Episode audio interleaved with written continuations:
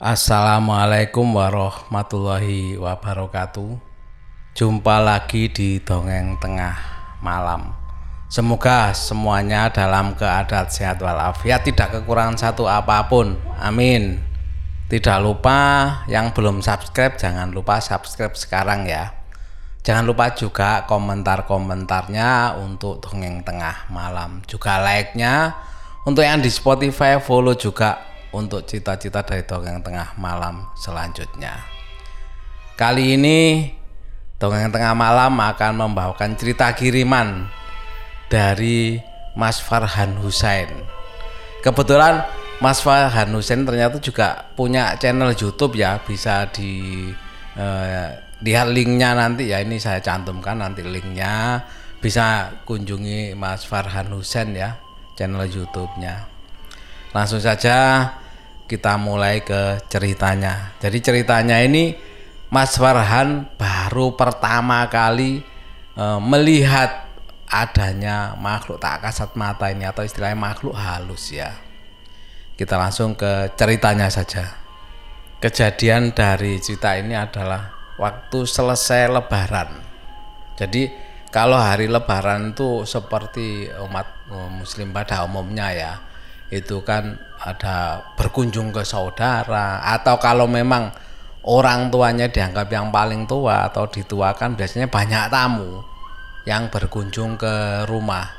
Begitu juga dengan Mas Farhan Husain ini ya, kegiatan rutin berlebaran e, mengunjungi ke saudara atau saudara datang ke rumahnya. Ya capek lah. E, tapi capeknya seneng sama juga yang dialami Mas Farhan. Ya setelah lebaran otomatis kan kecapean. Karena kecapean makanya istirahat istirahat ini tidur. Nggak terasa tidurnya itu cukup lama. Karena memang orang lagi capek ya. Begitu bangun karena kelamaan tidur kan otomatis perutnya merasa lapar. Kebetulan di meja kan ada ketupat lebaran. Jadi Mas Farhan ini bermaksud untuk memakan ketupat lebar yang di yang ada di meja karena perutnya merasa lapar. Tetapi di meja itu memang gak disiapin piring.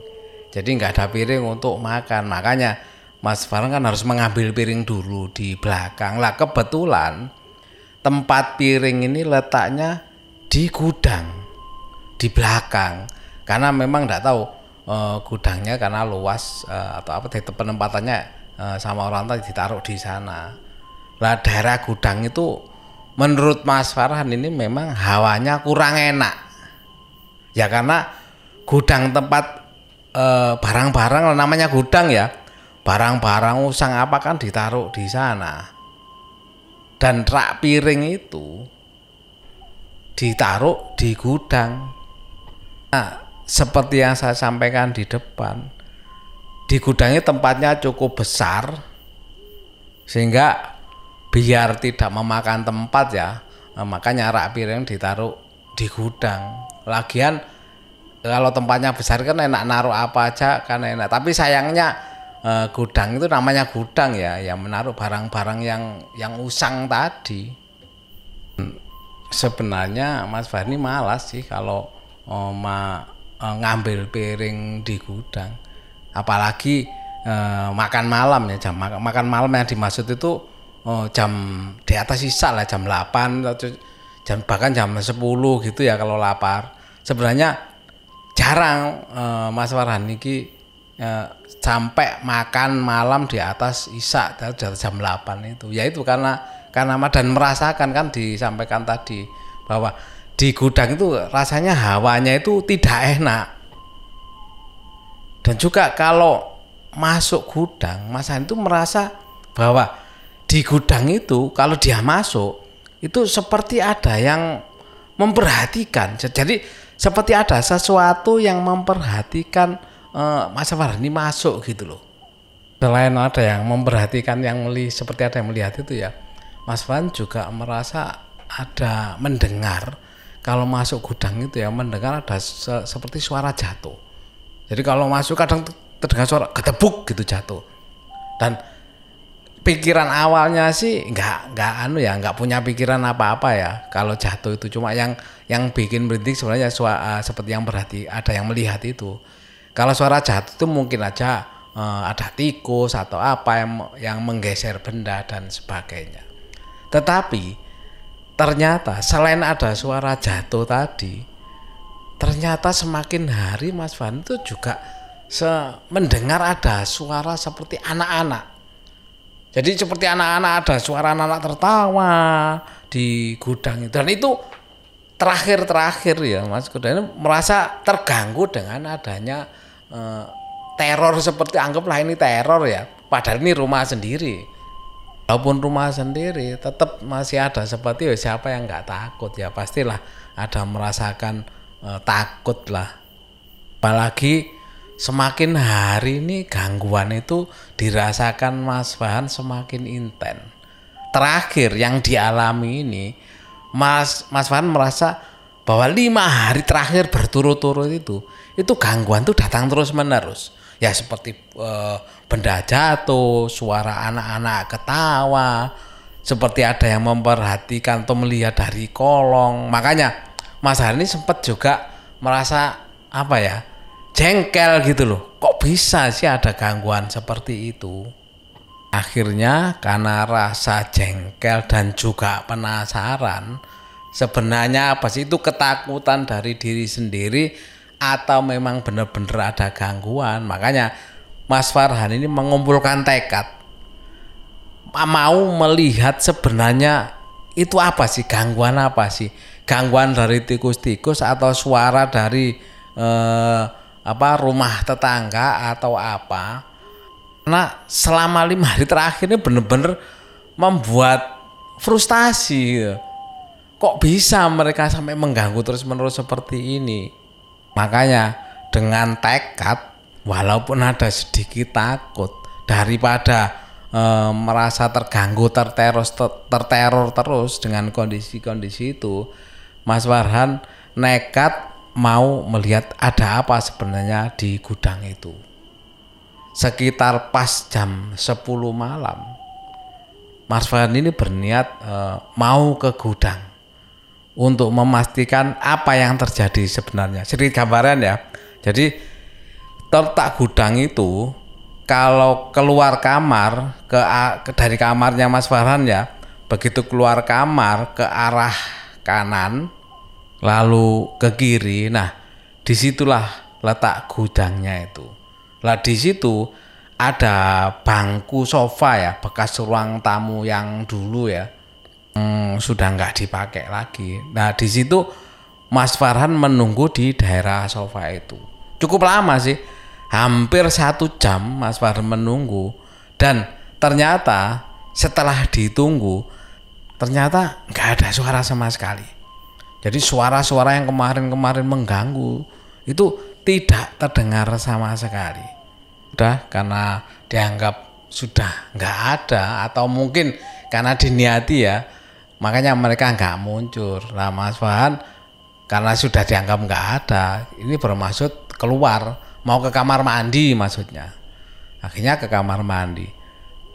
Begitu mau keluar dari gudang tersebut, tiba-tiba Mas uh, Farhan ini mendengar ada suara seperti benda jatuh.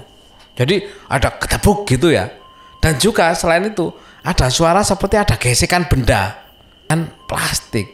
Nah mendengar itu otomatis Mas Farhan ini ya merasakan lah ini datang ya pasti merinding lah mendengarkan suara itu. Padahal sebenarnya itu yang ditunggu tapi bener begitu bener-bener ada yang ditunggu itu justru malah membuat Mas Farhani ketakutan bahkan hilang semua tekadnya ya. Waktu sebelumnya itu ya kan benar-benar ingin tahu apa yang terjadi. Dan saking takutnya sampai kakinya merasa gemetaran. Tetapi karena sudah tekad ya walaupun takut-takut itu Mas Mas Farhan tetap uh, mendekati arah suara tadi yang ada di gudang semakin dekat, semakin terdengar jelas suara eh, ada suara anak-anak yang lagi tertawa di gudang tersebut. Oh ya, eh, gudang tersebut memang gelap karena apa? Memang nggak ada penerangan lampu yang yang terang ya. Ada lampu sih, cuma memang eh, redup lampunya di situ. Makanya suasananya jadi kelihatan eh, gelap walaupun ada penerangan sedikit ya, tapi tetap karena gudangnya cukup besar, jadinya nggak mampu untuk menerangi seluruh gudang itu. Dan itu yang membuat suasananya jadi lebih horor yang dirasakan sama Mas Farhan lagi serius-seriusnya eh, mendengarkan suara yang semakin jelas itu pas menoleh betapa kagetnya Mas Farhan. Karena apa? Dia melihat ada seperti bola itu berbulu dan Mas Farhan nggak tahu di gudang itu nggak nggak pernah lihat ada uh, bola seperti itu. Bola yang berbulu ya. Apa pun ada rasa takut. Tapi tetap Mas Wan penasaran itu. Bola itu apa gitu loh ada bola di situ. Padahal kemarin-kemarin tidak ada uh, bola di situ ketika bola itu diputar sama Mas Farhan ternyata bola itu adalah sebuah bentuk kepala. Sangat jelas sekali terlihat mukanya itu sangat seram. Pucat wajah yang pucat matanya putih itu tersenyum lebar. Tapi jangan dianggap senyum menyenangkan ya itu senyum yang menyeramkan menurut Mas Farhan melihat itu bukannya lari tetapi Mas Farhan seperti orang tertegun gitu loh. Tertegun ya kaget mungkin ya. Jadi badannya itu kaku mau teriak nggak bisa mau bergerak nggak bisa. Yang bisa dilakukan hanya diem uh, melototi melototi dengan rasa takut ya melihat wajah itu.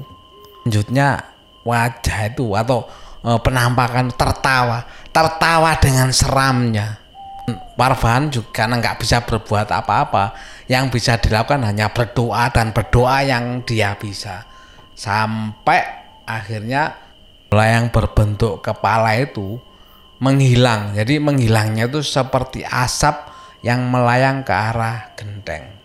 Sampai begitu sadar ya Marvan langsung lari.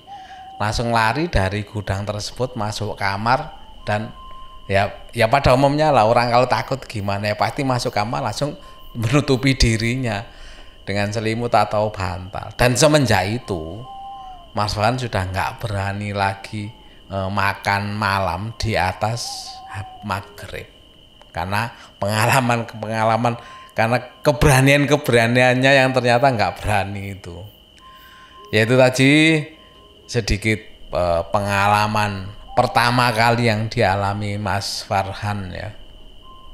Mudah-mudahan tidak ada lagi pengalaman-pengalaman berikutnya. Kecuali kalau sudah berani nggak apa-apa. Kalau mengalami lagi. Terima kasih sekali lagi Mas Farhan kiriman ceritanya. Bagi teman-teman yang mau kirim cerita juga bisa kirim di email ya. Emailnya dongeng tengah malam gmail.com. Semoga teman-teman semua bisa terhibur. Oh ya, jangan lupa mampir juga ke channelnya Mas Farhan Hussein ini ya, karena uh, dia juga ada channel YouTube. Barangkali bisa uh, menghibur juga teman-teman dari Dongeng Tengah Malam.